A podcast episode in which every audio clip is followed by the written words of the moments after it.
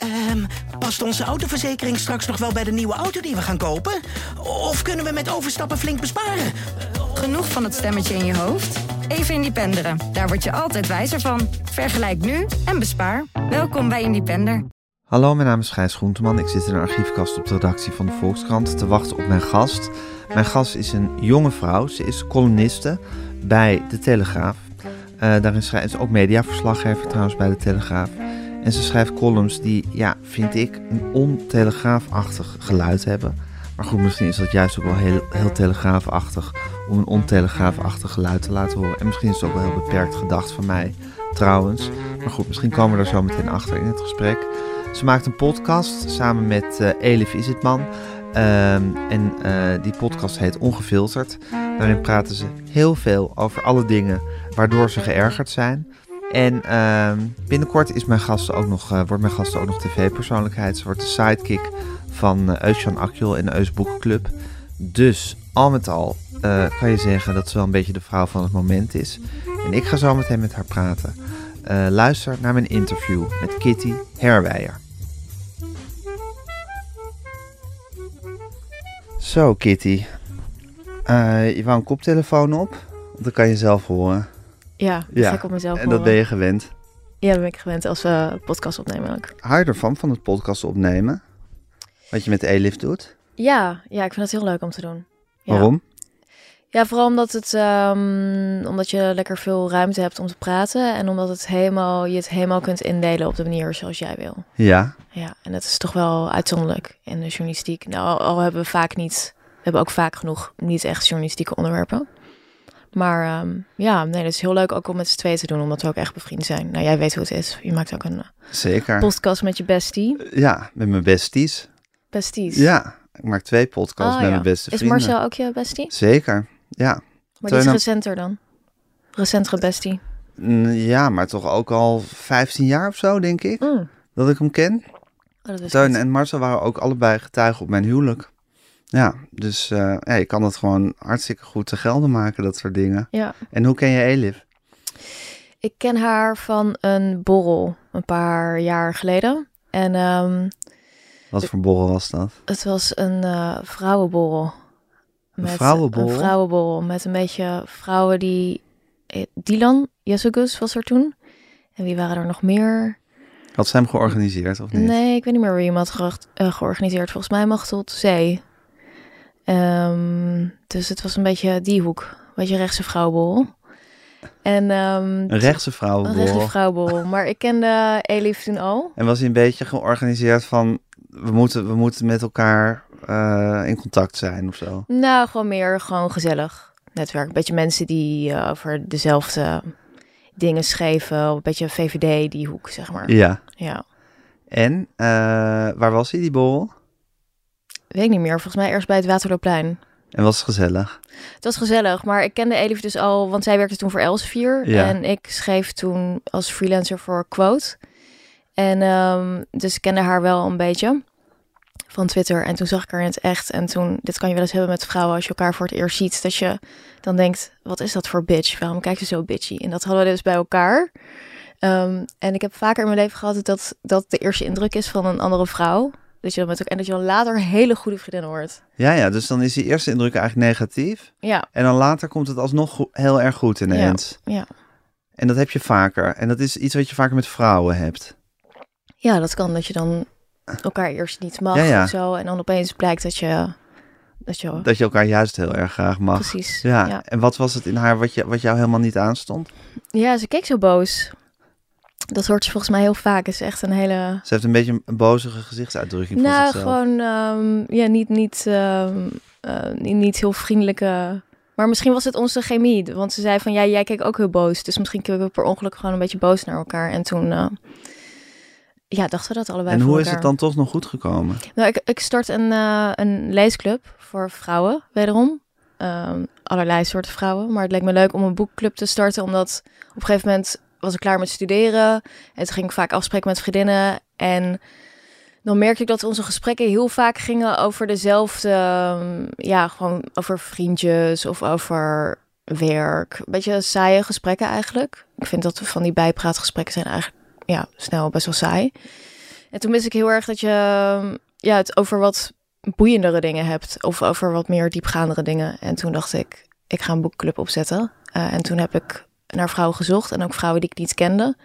Uh, en daar had ik Elif dus ook voor gevraagd. Ja.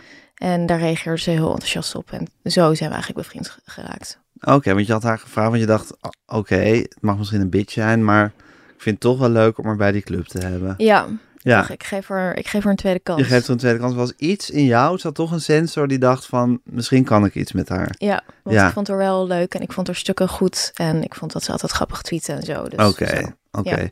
Hey, en je zegt van, je vindt bijpraatgesprekken, vind je saai? Nou, ik vind het een beetje saai um, als je... Um, ja, het is toch wel boeiender. Kijk, je bent ooit bevriend geraakt. Um, omdat je vaak denk ik ook over heel ander soort dingen kan praten dan de dagelijkse dingen. En als je misschien een beetje in zo'n loop of zo komt, dat dan dat je koffie drinkt met elkaar en dan vertelt van, oh ja, en toen ging ik dit doen en dat en zus en nu doe ik dit en dat. Dat denk je, oh ja, waarom ben je eigenlijk ook weer bevriend? Ja, en in het begin zit er meer een soort excitement in of zo? Of zit je wat meer... Nou, ik denk gewoon dat je leven anders is. Dat je met andere dingen bezig bent als je studeert. Dat mensen meer inhoudelijker bezig zijn en daardoor... Ja, ja. Misschien is het ook onzin. Het was gewoon iets waar, wat ik me kan herinneren dat ik een keer met een vriendin koffie ging drinken. En dat ik dacht, ik wil, wil met vriendinnen uh, iets opzetten om ja, ja. weer wat anders En ben je zo dat je in het leven zo dingen, als, als dingen je niet bevallen, dat je ze anders gaat organiseren? Um, um, ja, niet altijd. Maar ja, goed. Dat is wel, dat is wel hoe je je leven beter maakt, toch? Uh, denk het. Maar ik denk dat sommige mensen daar... Je kan daar ook te lethargisch voor zijn. Of je kan ook denken, het komt zoals het komt. Of het kan misschien op een heel natuurlijke manier gaan. Je kan ook een soort houding hebben van... En als, als deze vriendengroep me niet bevalt, dan ga ik, dan ga ik daar actief op zoek naar anderen. Weet ik veel. Je kan natuurlijk ook echt organiseren ja. je leven, hoe je het vindt dat het zou moeten zijn. Ja, ik denk dat eigenlijk wel dat ik dat doe, ja. Ja? Ja. Hoe komt dat? Heb je dat altijd al gehad? Um, ik weet niet of ik dat altijd al heb gehad. Ik denk wel dat ik... Um, um, ja, dat ik niet heel lang kan zijn in situaties die niet fijn zijn. Maar ik denk dat heel veel mensen dat hebben. En, nou, uh, dat is eigenlijk wel een hele goede uh, vraag. Of veel mensen dat hebben. Misschien zijn mensen juist ook heel erg geneigd om gewoon te blijven zitten in hoe het is. Jij ja. vindt dat moeilijk? Jij voelt snel een soort onrust om, om, het, om het anders te maken als het je niet bevalt? Uh, ja, zeker. Ja. Ja. Maar ga door, ik onderbrak je eigenlijk. Ja, ik weet niet waar ik was. Nee, dat weet ik ook niet meer. Maar goed, want dit, dit is wel een interessant punt. Dat je dus, dat je dus een soort uh, weinig tolerantie hebt voor als, als het je niet bevalt om je heen. Ja, ik denk wel dat het klopt, ja. En heb je het vaak dat, dat je niet bevalt om je heen? Um, minder. Ik denk wel dat ik minder ergernis ervaar. En meer, meer tolerantie heb dan vroeger. Dat ik... Vroeger had je, nog, had je veel meer ergernis? Ja. Ja? Ik het wel. Wat herinner je echt als je ongeveer de meest geërgerde tijd uit je leven? Um, even denken het meest geërgerde tijd in mijn leven. Nou, ik weet niet. Het is, het is misschien meer in periodes of zo dat ik me heel erg kan ergeren aan dingen. Ik kan me ook heel erg ergeren aan mensen. Maar ik heb ook geleerd. Jullie podcast gaat ook heel veel over ergernis. Ja, hè? Dat is echt een, dat is eigenlijk het thema. Ja, het gaat veel over ergernis. Ja, dus ergernis is echt een ding voor jullie allebei. Ja, het is ook iets wat ons heel erg bindt. Dus het is niet alleen maar negatief. Het is ook gewoon dingen die je ziet die misschien andere mensen niet zien. Ja. Um, ik vind het niet per se slecht om je aan dingen te ergeren. Maar ja, um, ik heb wel meer tolerantie of zo gekregen voor dingen. Hoe komt dat? Ik weet niet, ouder worden. Dat met, heeft met de leeftijd te maken. Hoe oud ben je? 32. 32, je hoor je eigenlijk niet te vragen aan een dame. vind je dat eigenlijk oud of vind je dat jong? Um, dat vind ik wel jong. Nog. Ja? Ja. Oké, okay, nog wel een beetje aan het begin voelt het. Van mijn leven? Ja, van, van alles of zo. Ik weet niet. Nou, ik voel me heel comfortabel in het 30 zijn eigenlijk. Ik uh, voel me echt een uh, dertiger. Ja, ja, ja. Maar je had dus, um, je, je voelt je minder geërgerd over dingen. Uh, je voelt je comfort, comfortabel in het dertiger zijn. Mm -hmm. Dus eigenlijk zit je in een hele goede fase van je leven. Ja, ik zit best wel in een goede fase, ja. En dat is eigenlijk dus ook iets wat je zelf hebt bewerkstelligd. Aangezien, dat, aangezien je ook gewoon uh, je worstelt uit uh, fases die je minder prettig vindt. Ja. Ja, nou goed, je hebt nooit alles alleen maar aan jezelf te danken, denk ik. Nee, natuurlijk niet. Er is heel veel wat je toevalt of waar je niks over te zeggen hebt. Ja. Pech of geluk, of Ja. alle dingen. Nee, maar ik ben wel op een eh, goed moment in mijn leven, denk ik. Wat, wat, wat bevalt je allemaal aan je leven momenteel? Ehm, dat ik heel veel leuke mensen om me heen heb qua vrienden. En ook dat eh, met mijn familie dat het goed gaat. En dat ehm, ik veel plezier haal uit mijn werk. En dat ik kan bezig zijn ja, met zulk werk. Dus eh, met schrijven, met iets wat ik leuk vind, met dingen maken.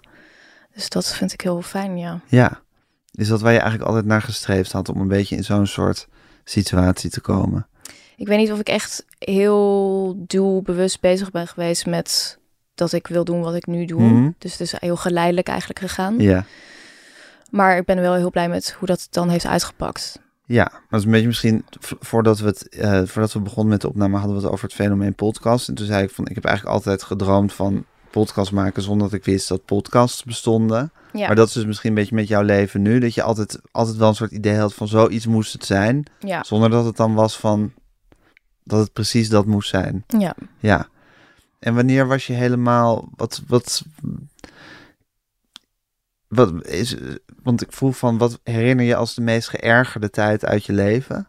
Daar hadden we nog geen, daar waren we nog niet. Ja, ik, ik weet niet of ik dan echt zo'n periode waarin ik dat dan heel erg had. Of nou, ik denk wel dat ik gewoon periodes dat het dat dat eh, ja, dat ik het gewoon moeilijker had door en misschien was ik dan ook wel geërgerder. Ja, ik weet het niet zo goed. Ik vind het lastig om mijn vinger op te leggen. Is ergernis en, eh zou maar zeggen, dat je, ga je ergeren als je gewoon minder goed in je vel zit? 100% Ja? Dat is wel zo. Maar ik vind Dus erg. ergernis gaat ook eigenlijk altijd over jezelf. Ja, maar je Ja. hebt ook gezonde ergernis. Gezonde ergernis is ook gewoon een soort grensbewaking, denk ik.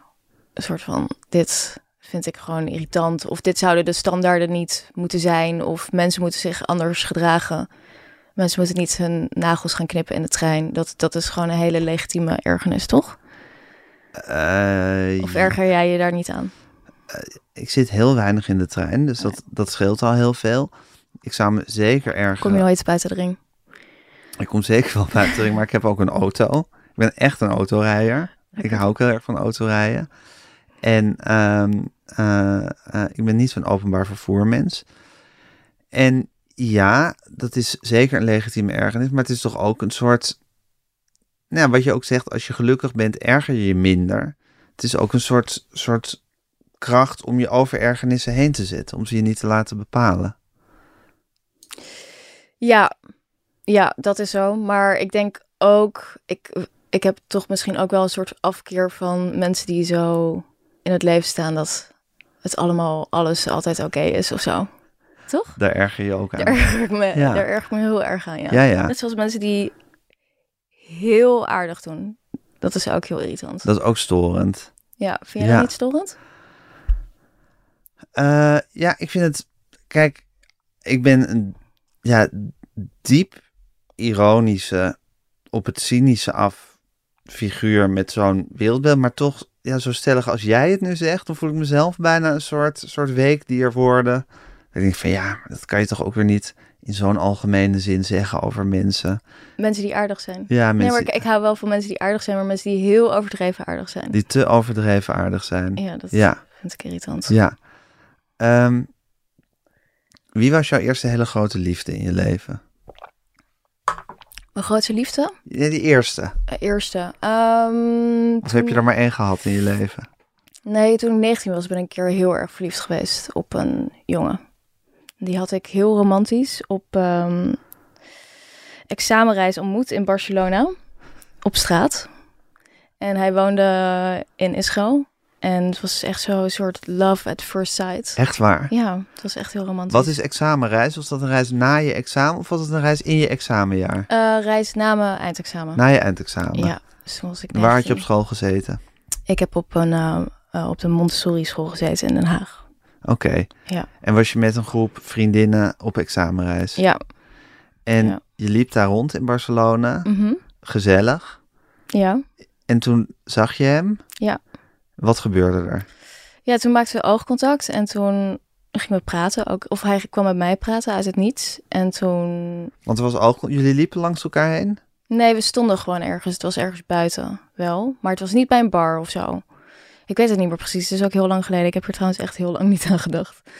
Ehm, en toen, toen um, ja, dat was echt zo... Uh, zoals in de film, zeg maar, Love at First Sight. Ja, ja, dat voelde je ook. Je voelde ook meteen, toen je dat oogcontact had gehad, van dit is, dit is iets. Ja. Ja. Vond je dat fijn of vond je dat uh, angstaanjagend? Mm, nou, dat is gewoon heel bijzonder. En dan, dan, ja, ik bedoel, dat is zo overweldigend, zeker ook op zo'n leeftijd, dat je dan gewoon daar helemaal in laat meeslepen, denk ik. Dat zou jou nu niet meer overkomen? Nou, dat zou me nu ook nog wel kunnen overkomen. Oké, maar... maar toen overkwam het je zeker? Ja. En toen kwam hij met je praten? Ja. En wat zei hij? Uh, weet ik niet meer precies. Volgens mij hebben we gewoon een beetje koetjes en kalfjes gehad. En toen is hij met ons groepje meegegaan. En hij was met zijn broer daar op vakantie met zijn ouders. Maar hij was met zijn broer uit. En toen zijn we, hebben we die avond gewoon samen doorgebracht met die vrienden van mijn school. En uh, toen die dag daarna hebben we nog afgesproken. En toen vloog hij naar huis. En toen ben ik hem daarna een paar weken later gaan opzoeken in Israël. En hebben jullie ondertussen contact gehouden? Ja, heel intensief. Heel intensief. Een hele hoge telefoonrekening. Dat was nog voor de tijd van uh, WhatsApp. Ja, precies. Dus het was de hele tijd bellen. Ja. En uh, dingen schrijven, mailen ook misschien. Ik weet niet, een beetje sms'en. Ja, ja, ja, ja, mailen inderdaad. Skypen. Dat dan wel. En, en geef, geef jij je makkelijk in de liefde? Um, um, ja, ja, ja, af en toe. Niet altijd. En waar hangt dat vanaf? Um, ja, ik denk toch in hoeverre ik echt heel erg gek op iemand ben. ben. Ja, ja. Dus het is een soort, het is een soort, soort zone waarin je iemand leuk kan vinden. Zonder dat je helemaal hout boos bent. En dan hou je afstand? Um, ja, ik ben sowieso wel, denk ik, een groot gedeelte van mijn leven wel redelijk gereserveerd geweest. Maar ik kan wel heel sterk dit soort gevoelens voelen. Ik ben nu, dat ben ik nu niet meer zo, maar... Um, Wat ben je nu niet meer zo? Gereserveerd. Je, je was, als ik jou zou maar zeggen, drie jaar geleden had ontmoet, was je veel gereserveerder geweest. Ja, vier jaar geleden of zo. Oh, er zit een groot verschil tussen drie en vier jaar geleden. Ja, ja, ja. ja Waarom? Ja. Um, omdat ik aan bepaalde dingen heb gewerkt. Um, omdat ik dat ook heel vervelend vond, dat je geremd of zo wordt. Ja, ja, want je was zo gereserveerd dat, je, dat, dat, dat het jezelf echt dwars zat. Um, ja, ik denk het wel, ja. Ja. Um, en wanneer, want ik kan me ook voorstellen dat je, daar, dat je dat heel lang, zou ik maar zeggen, niet wil erkennen. Dat het je dwars zit. Ja. Als je heel gereserveerd bent. Maar dan komt een moment dat je voor jezelf weet dat het niet meer houdbaar is. Het gereserveerd zijn. Of dat, dat, je, dat, dat het echt beter zou zijn om er wat aan te doen. Ja, ja. En dat moment kwam ergens vier jaar geleden. Ja, ja ik heb toen ik uh, eind twintig uh, was, kreeg ik heel veel langs van, uh, last van bepaalde angsten. Dus ik kreeg heel erg faalangst en podiumangst en zo heb ik ook heel erg gehad. En ik kreeg concentratieproblemen, dat kreeg ik al tijdens mijn studietijd. En daar, ja, daar ben ik toen voor in therapie gegaan. En dat heeft eigenlijk heel veel van die andere dingen uiteindelijk ook opgelost. Terwijl ik me niet zo heel erg bewust van, van dat ik heel gereserveerd was. Maar ik weet nu wel dat ja, ik niet... precies. Dus het was niet zozeer van ik wil minder gereserveerd nee. zijn. Maar er, er, er, was... Ja, je zou kunnen zeggen dat misschien is het dan je geest die aan een soort alarmbellen gaat trekken van dit gaat niet goed. Ja. En dat in uitzicht dan allerlei angsten. Ja. En daar moet je dan wat aan doen. Ja. En toen werd je hele levenshouding eigenlijk uh, anders. En je vond een goede therapeut, blijkbaar. Um, ja, niet meteen, niet meteen, maar um, het, is, het is zeker een zoektocht. Je, denk, je denkt volgens mij voor het eerst als je in therapie gaat, dan denk je, mijn problemen gaan worden opgelost. Maar dat is natuurlijk ook gewoon maar iemand vaak die psychologie heeft gestudeerd. Uh, je hoeft helemaal niet per se een klik te hebben. Um, en uh, ja, dus ja. dat is best wel een zoektocht. En bij mij is dat zeker wel ook een zoektocht geweest. Maar ik heb uiteindelijk wel therapeuten gehad die me echt heel goed hebben kunnen helpen. Ja. En je zegt meervoud, dus er is niet één, je hebt niet één verlosser gehad. Het is een soort. Nee, en het is ook heel erg een proces. Geweest. En je moet, dat, dat heb ik ook gemerkt, dat het is iets waar je echt heel erg voor moet openstaan ook. Ja, en dat was ook iets wat je zelf, wat je in jezelf moest klaarspelen. Om op een gegeven moment ergens binnen te gaan en niet in een gereserveerde ergernisrol te gaan. Maar gewoon ik te denken. eigenlijk dat het ergernis een beetje daarbuiten moet uh, worden gehouden. Nou, ik denk dat je de ergernis dat dat, dat, dat, dat dat exact is wat dit is. Ja? Ja, het is natuurlijk van, van als je dan tegenover zo iemand zit en je gaat het denken van en ze smakt. En ze zitten veel met haar voeten wiebelen. En ik vind haar laarsjes lelijk. En haar nou, haar zit stom. Nou, dat is als, je, als je al die ergernis... is wel een uitdaging met therapeuten. Want dan denk ik, hoe kan iemand met zulke schoenen mij goed levensadvies exact. Geven. Dus dan is het toch precies dat je die ergernis gewoon moet, moet, moet neutraliseren om gewoon te denken, maar misschien zegt ze toch of hij hele goede dingen. Ja, nee, misschien heb je toch een punt. Ja, je zou therapie uh, moeten geven. Ja, lijkt, lijkt het jou nou leuk om therapie te geven? Nee, dat lijkt me niet leuk. Waarom niet? Het lijkt me heel erg leuk om mensen te helpen en um, maar ik zou niet, ik zou niet het geduld hebben om dag in dag uit uh, mensen hun problemen te horen. Nee. Gaan te horen. Het geduld is natuurlijk inderdaad moeilijk. Dat lijkt me ook heel erg moeilijk. Ja. Het is natuurlijk ook wel weer leuk. Jij houdt ook van interviewen, denk ik. Het is ook weer leuk om gewoon ongebreideld in mensen hun geest te kunnen vroeten. En het over alles te kunnen hebben. Dat is waar. Maar bij heel veel mensen werkt therapie ook niet. En uh, er zijn heel veel mensen die, die willen wel iets aan hun problemen doen. Maar dat gaat gewoon eigenlijk niet lukken en dan moet je de hele tijd diezelfde problemen aanhoren. Daar zou ik als therapeut echt een beetje gek van worden. Ja, je vindt het een te ongewis proces en te... Ja, er moet ook echt... Het fijne van een interview is, er hoeft helemaal geen resultaat te zijn. Behalve dat je een leuk stuk of een, of een leuk uur uh, audio hebt. Maar ja. verder gaat het natuurlijk nergens om uiteindelijk. Ja. Ja, ja precies. Maar, je, was, maar je, je werd eigenlijk gewoon gedwongen door jezelf. Door hoe je... Door, door, door nou, uh, angst, paniek, weet ik veel wat om wat aan jezelf te gaan doen. Ja. En daar hoorde die, en daar bleek die, die gereserveerdheid bleek daarmee ook mee uit de weg genomen te worden. Ja, ja. Maar als je zo vertelt over, over dat je dan in Barcelona liep, je had dus vriendinnen met wie je op examenreis was. Mm die jongen maakte oogcontact en je, uh, je viel voor hem. Dus je was niet 100% gereserveerd. Nee, dat is ook niet zo. Maar ik denk dat um, in, um, ja, dus zeg maar de manier of hoe ik ben opgegroeid. Ik heb niet een hele prettige jeugd gehad. En mijn ouders zijn allebei overleden. En daardoor ben ik denk ik in een lange periode in mijn leven heel erg in een soort overlevingsstand gekomen. Waarin je dus wel, ja, um, ja, een van die dingen is dat je daar gereserveerder van wordt. Of, uh, ja, omdat je dan ook altijd een soort veiligheid moet inbouwen of zo. Als je moet Ja, omdat die veiligheid niet, niet vanzelfsprekend is. En die heb ik ook niet altijd ervaren uh, toen opgroeide, omdat mijn moeder had een bipolaire stoornis. Dus dat was wel, ja, ze was heel emotioneel wispelturig. Dus Alleen daar al moest je gereserveerd voor zijn natuurlijk. Ja, dus dat heeft dat heel erg erin. En dan, uh, ja, dat, dat, ja, dat vormt je natuurlijk. En dan als je in het twintig bent en je zit, je moet eigenlijk alles zelf doen, dan ja, dan ben je gewoon heel erg op jezelf aangewezen. Dan kom je in een soort overlevingsmodus waarin er niet altijd ruimte is voor ander soort ontwikkeling, denk ja, ik. Ja, precies. Dan, moet je gewoon, dan moet je gewoon geharnast zijn. Ja. En dat is, dat is wat het is. Ja. Ja, en dan heel veel verder kom je niet. Um, was je gereserveerd tegen je moeder eigenlijk? Lukte je dat? Als kind? Ja. Nou, het was... Um, ik weet niet of je wel eens hebt ervaren hoe het is om met iemand met een bipolaire stoornis... Uh, nee om te gaan? Nou ja, goed. Kijk, als kind weet je natuurlijk niet beter. Dus ja, het was, ik vond het normaal dat mijn moeder zo deed. Maar ik merkte wel inderdaad dat mijn zus ja, heel snel... Uh, ja, mijn moeder was gewoon geen veilig persoon. Dus dan, ik kon iets aan haar vertellen. En dan zei ze dat was helemaal oké. En dan later werd het tegen me gebruikt of zo. Dus dat...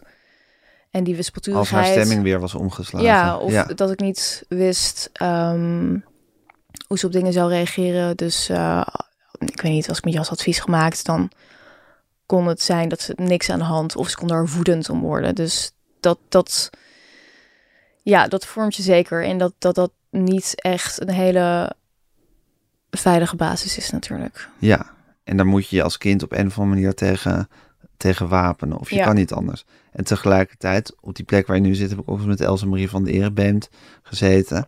En wat je ook van haar kan zeggen, ze, ze praat altijd ook wel weer een hele goede waarhe- we- waarheden. Over hoe, vooral hoe kinderen zich tegen hun ouders, eh, of tot hun ouders verhouden. En de loyaliteit van kinderen aan hun ouders is natuurlijk gigantisch. Ja, Ja, en zeker als kind tegen je moeder. Je bent natuurlijk uiteindelijk altijd ook helemaal geprept om haar te, eh, om het haar naar de zin te maken. Ja, en we waren ook natuurlijk alleen mijn moeder. Dus mijn zus en ik met alleen mijn moeder. Dus dan heb je dat natuurlijk nog meer. Die loyaliteit ook. Dus ja. Ja, dat herken ik zeker. Ja, en, eh, maar goed, dus aan de ene kant ben je loyaal en, en wil je eigenlijk alles doen om, om het haar zo, zo goed mogelijk te maken. Mhm. En aan de andere kant moet je natuurlijk, en dat leer je natuurlijk ook als kind, moet je dus inderdaad ook altijd een soort buffer inbouwen van oké, ze kan in stemming A zijn of ze kan in stemming B zijn. En dan heb je eigenlijk met twee totaal verschillende mensen te maken. Ja, Dus, dat is, dus je kan ook weer nooit op haar bouwen vervolgens. Dus, je Ja. moet, dus dan moet je altijd afstand houden. ja, zo voelt het wel, ja. Ja. Emotioneel afstand houden, ja. ja. Deed je zus dat heel anders dan jij? Nee, mijn zus deed het eh, ehm, misschien nog meer dan ik. Wat deed ze precies nog meer? Nou, gewoon heel gereserveerd, veel afstand houden. ehm, ja, zodat het je ook niet te veel kan raken eigenlijk. En mijn zus was heel jong, heel zelfstandig. Ehm, Ging ze ook heel vroeg het huis uit? ja, ja. Eerder dan jij? Nou, mijn zus is toen ze 13 was bij mijn tante gaan wonen. En ik ben rond die leeftijd... Bij de zus van je moeder? Nou, het is eigenlijk de tante van mijn moeder, maar ik Oké. noem haar mijn tante, want ja, zij ja. zijn Ja, samen ja. opgegroeid.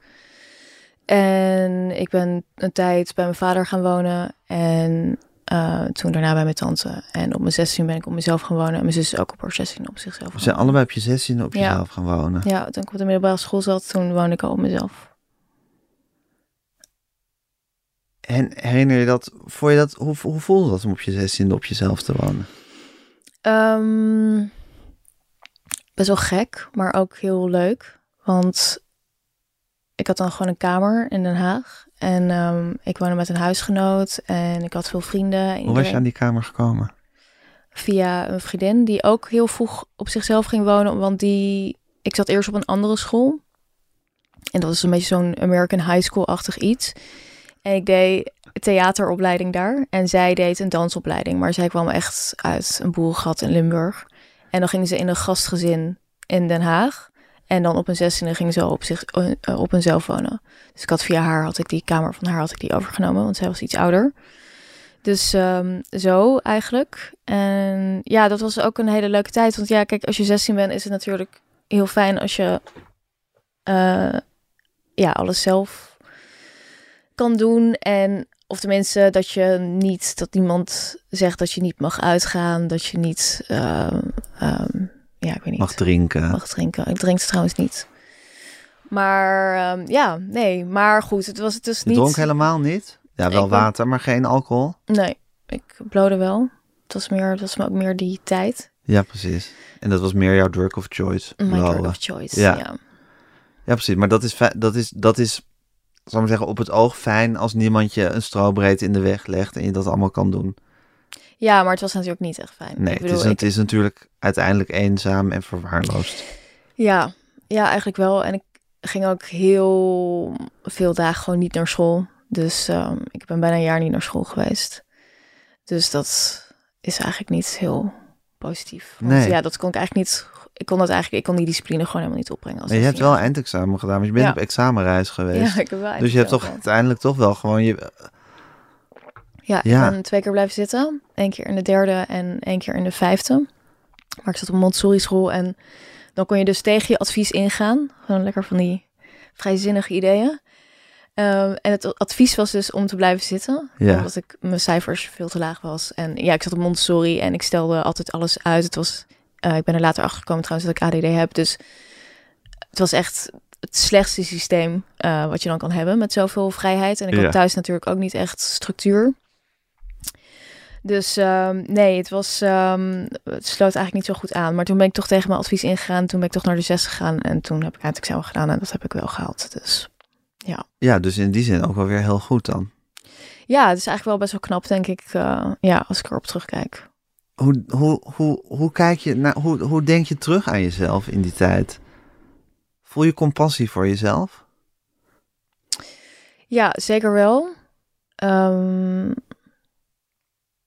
ja, ik heb, ik heb wel veel later of zo, toen we, als je dan een beetje volwassen wordt, dat dan mensen zeggen van, oh, ik verlang naar die tijd op de middelbare school en dat je geen zorgen had en zo. En dan denk ik, oh nee, dat, dat heb ik dus echt helemaal niet. Nee. Ik was echt heel blij toen ik echt volwassen was. En ook het gevoel had dat ik volwassen was. Ja, en... je ziet het echt als een tijd die je hebt doorgemaakt. En waarvan je zegt, ik ben blij dat ik er ben doorgekomen. En dat ik het nog een soort van gered heb.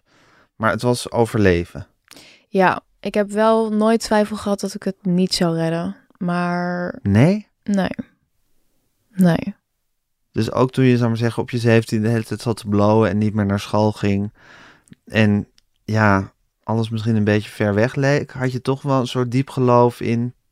Maar ik ga er, ik ga er wel komen. Ja, want ik ben ook altijd op het VWO gebleven. En ehm, al in de tweede werd eigenlijk gezegd, want toen zat ik op die andere school dus, van dat mijn cijfers laag. Of toen had ik een halve punt te weinig om naar het VWO te kunnen, naar de derde klas VWO. En toen zei ze, ja, je moet naar de HAVO. En dat was ook in een jaar dat, ja, toen ik 13 was, heeft mijn moeder me dus uit huis gezet. En toen ben ik dus bij mijn vader gaan wonen. Dus Dus heeft je uit huis gezet. ja, ja. Was het toen in een manische fase of in een depressieve fase? Weet ik niet zo goed. In ieder geval in een eh, emotioneel explosieve fase. En Dat moeder- was ze sowieso. Ja, Wel, in of, ze nou, of ze nou het een of het ander was, emotioneel explosief was ze altijd. ja. En Weet je nog waarom ze uit huis zitten? ja, het was iets. Ik zag toen, of ik ging toen vaker met mijn vader dingen doen. En die relatie tussen mijn ouders was altijd heel slecht. Ze zijn ook echt met ruzie uit elkaar gegaan. Eh, toen ik anderhalf was, dus ik kan me dat helemaal niet meer herinneren. Maar toen, ehm, ja, er was een soort jaloezie over dat ik met mijn vader zou afspreken, Ja, ja. zoiets. En ja, ik weet niet. Dat is dan. Dat ontplofte op een gegeven moment. Ja, en toen was het, nou, ga, ga dan maar bij je vader wonen. Dat. ja. ja. En toen heb ik dat Alsof, je haar, gedaan. alsof je haar had bedrogen. Ja, Ja. eigenlijk wel zo. Ja. Ja. ja. En toen werd je het huis uitgezet. Ja. Ja. En toen ging je bij je vader wonen. Ja. En toen scoorde je te weinig punten om naar over te gaan. Ben je een toch halve- op VWO gebleven. Nou, toen ben ik dus naar een andere school gegaan. Ook mede daarom, omdat ik dacht, ik moet per se op dat VWO blijven. Ja. En dus ook toen ik bleef zitten. Dus ik, in de derde heb ik niks gedaan. In de vijfde deed ik ook, nou toen ben ik bijna niet naar school geweest. Maar ik, had, ik wist van als ik afwijk van dat doel, dan gaat het mis. Dus het maakt niet uit of ik er tien jaar over doe. Ik moet, ik moet zeg maar dit halen. Ja, Want dan Ja. kan ik naar de universiteit en dan dat is, dat, is, dat is uiteindelijk mijn reddingsboei, wist Ja. je. Ja. Ja. En wat, is je, wat was je vader voor een type? Ehm, ik heb mijn vader niet zo heel goed eigenlijk leren kennen. Je hebt toch een tijdje bij hem gewoond. Ja, ehm, toen was hij vooral afwezig. En, Fysiek af, ik bedoel, hij was gewoon de hoort op. En mijn vader komt uit een hele welvarende familie. En hij was altijd een beetje het zwarte schaap van de familie. Dus Mhm. dat is heel pijnlijk voor hem geweest. En ja, mijn theorie is dat hij daar eigenlijk nooit overheen is gekomen. En Waarom was hij het zwarte schaap? Omdat hij, ehm, ja, hij kon niet zo goed leren. En ehm, ja, ik weet het eigenlijk niet zo goed. Maar zijn vader heeft in ieder geval zijn moeder verlaten voor een andere vrouw. En hij heeft haar zoon geadopteerd. En hij heeft eigenlijk nooit meer naar zijn eigen kind omgekeken. Zo heeft mijn vader dat in ieder geval ervaren. Ja, ja. Dus hij is gewoon eh, eh, gecanceld eigenlijk. Ja, hij is gecanceld, ja. Ja, zelfs zonder dat er misschien echt een reden voor was. Ja, Ja, ja, dat is heel triest eigenlijk. ja. Maar hij was dus niet arm. Nee, ik kwam uit een... eh, uit een Ja, precies. Nee, maar dat lijkt me ook bijna... Ik bedoel, niet dat het leuk is om arm te zijn, maar... Ja, dan zit je... Dan, dan is dat niet het probleem, maar dan is gewoon echt puur de erkenning en de liefde en erbij horen. Dat, dat, dat kon hij niet, dat kreeg hij niet van zijn familie, Nou, van zijn vader. En ik denk van voor, zijn vader in van, geval. Ja, ik heb dat denk ik. Ja, ik denk voor een man. Als je dat niet krijgt van je vader, dat dat echt heel heftig kan zijn. Ja. In die relatie. Ja. Wat moest je al veel puzzels leggen hè, als kind, psychologisch gezien. Ja, ja, maar ik had dus niet echt contact met mijn vader. Maar mijn vader is dus ook. Dat is ook zijn.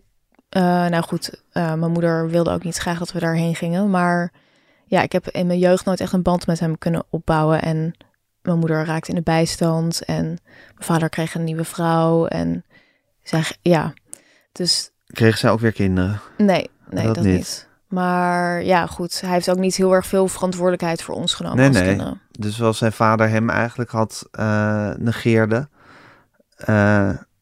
dat heeft hij dan een heel klein beetje herhaald met jullie.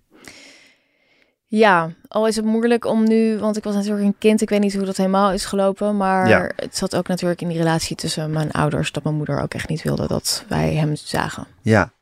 ja, maar er was in ieder geval heel weinig eh, wat betreft liefde en warmte in je jeugd, wat soort van zelfsprekend was. Ja, al kon mijn moeder ook wel lief en warm zijn, maar over het algemeen. Ja, maar dat niet. kon dan ook ineens weer omslaan naar het andere. En het was altijd emotioneel explosief. Dus je kon altijd iets zeggen of er kon iets gebeuren. Iets futiels. Waardoor het weer, eh, waardoor, de, waardoor er een ontploffing kwam. Ja, Ja, ja. Wat een, wat een, eh, wat een, wat een, wat een tank moet je toch zijn dat je, er, dat je daar gewoon uitgekomen bent, hè? ja denk je? Maar ja, kinderen zijn ook tanks. Ik bedoel, Ja. kinderen zijn natuurlijk bizar, bizarre overlevers. Ja, Dat is gewoon, ja, dat, dat is ook een beetje het, het, het gevaarlijke. Dat je kinderen zoveel kan aandoen en dat ze gewoon toch overeind blijven. Maar ja, dat is toch wel, het is, het is, het is weinig eh, eh, gewoon vanzelfsprekende liefde en warmte die je hebt, eh, hebt gekregen. ja, en ik heb denk ik mezelf wel echt lang voorgehouden dat ik daar dan, ik wist het eigenlijk ergens wel, maar dat ik daar dan ongeschonden uit ben gekomen. Ja. En dan op een gegeven moment, ja, dan merk je eigenlijk dat dat niet zo is. Dus, maar ik ben wel heel erg blij dat ik op dat punt ben gekomen dat het eigenlijk, dat ik geen andere keus had dan om, ja, daar echt iets mee te doen. Ja, Omdat het anders... eh, ja maar dat, ge- dat gereserveerd zijn is daar natuurlijk inderdaad een, een, een attitude die hier heel erg bij past. Zo van, gewoon, ik regel het zelf wel en blijf maar allemaal op afstand. En ehm, bemoei je er niet mee, achtig. Ja, en ook denk ik een soort eh, bazaal wantrouwen of zo. Misschien een beetje naar de wereld. Ehm, ik denk, ja, of tenminste wat ik eraan heb overgehouden... is dat ik ja, gewoon zelfkritisch ben, heel erg. Waar, waar ook die faalangst vandaan kom, komt. En ja, dus wel ook inderdaad een bepaalde emotionele geremdheid. Omdat ja, je leert niet dat dat ehm, goed is of zo. Om, om je te uiten. Ja. Ehm, ja, ik vraag me af of die ergernis, of dat zou maar zeggen, dat, dat koesteren van die ergernis, of dat niet ook een beetje remmend is dan toch? Ja?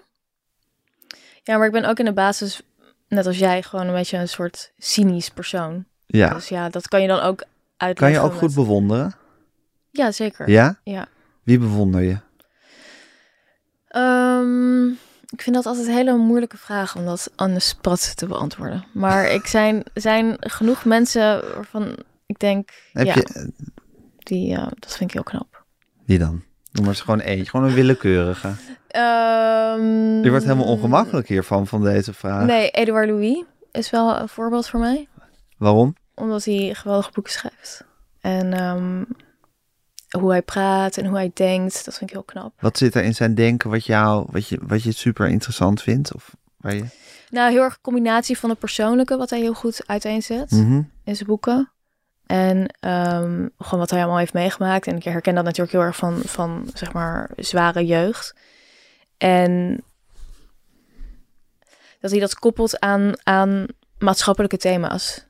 En mensen echt heel erg dingen anders laat inzien. En ook bijvoorbeeld, ja, gewoon dat hele klassenperspectief. Dat hebben we in Nederland eigenlijk weinig. Nog. In Frankrijk is dat natuurlijk wel meer een debat. Maar daar heeft Ja. hij ook wel echt een rol in gespeeld. Ehm, en hoe dat werkt met sociale codes. En als je in andere omgevingen komt, dat heb ik zelf ook heel erg meegemaakt. Ik bedoel, ik ben mijn moeder echt opgegroeid. We waren arm, we wonen in achterstandswijk in Den Haag. En dan kom je op een gegeven moment in hele andere kringen. Nou ja, al op zo'n Montessori Lyceum is dat al heel anders natuurlijk. Ehm, en dat is zo eigenlijk doorgaan met studententijd. En dus ja, ik vind dat hij dat heel erg goed beschrijft. Voelbaar hoe, dat, hoe dat voelt en ook wat dat betekent. En dat heel veel mensen dat soort dingen niet zien. Nee, Omdat ja, bepaalde dingen gewoon heel vanzelfsprekend zijn. Ja, Voor ja. Ja, Als je altijd in de goede klasse bent, geboren en getogen. ja. Ja, Maar goed, dat kan hij dus heel goed voelbaar maken. Ja. Maar ik vind het toch grappig hoe je keek toen ik vroeg om te- iemand te noemen die je bewonderde. Nou, ik vind gewoon, ik vind vragen on the spot. Als iemand vraagt, wat Ja, is je lievelingsboek? ik wat is je lievelingsfilm? Dan Nee, ik vraag altijd, niet je eh, lievelings. Ik vraag gewoon iemand, iemand. Ik vraag, ga je goed bewonderen? Ja, kan ik ook wel. Nou, wie noemt iemand die je bewondert? Niet van het meest of het best of weet ik veel wat. Oké, Maar goed, je bent met Edouard Louis gekomen. Dat is, eh, ja, dat is fantastisch. Ja. Maar eh, je werd er wel een soort van ongemakkelijk van. oké. Ja, maar je vindt het lastig om zo van die ranglijst vragen van... Ja. Waarom? Ik vind het moeilijk om van dat soort absolute dingen te... Ja, ik dat zit er misschien niet in die faalangst ook. zo. Dat je dan denkt van, dan zeg Geef ik het een en dan voel ik meteen eigenlijk het ander. Mhm, Dan voel je meteen Wellicht, hoe, ja. je, hoe je faalt. Dat of zou zo. kunnen, dat zou Ja. kunnen. Ja. Ja. Hey, en dus, die, dus vier jaar geleden ge- begon je met die, met die, met die therapiesessies. ja. Maar tot dat moment had je dus eigenlijk eh, jezelf voorgehouden van... Nou, eh, ik heb het gered. Ik ben hier redelijk ongeschonden uitgekomen. Ik ben Kitty Herwijer en het heeft me allemaal eh, niet echt Geraakt. geraakt. Ja, maar ik wist wel eigenlijk dat dat niet waar was. Maar Hoe wist je dat? Ja, omdat je eigenlijk, eh, je, je voelt dat wel of zo. Je Voel je dan een soort knagende onrust of zo van binnen? Of?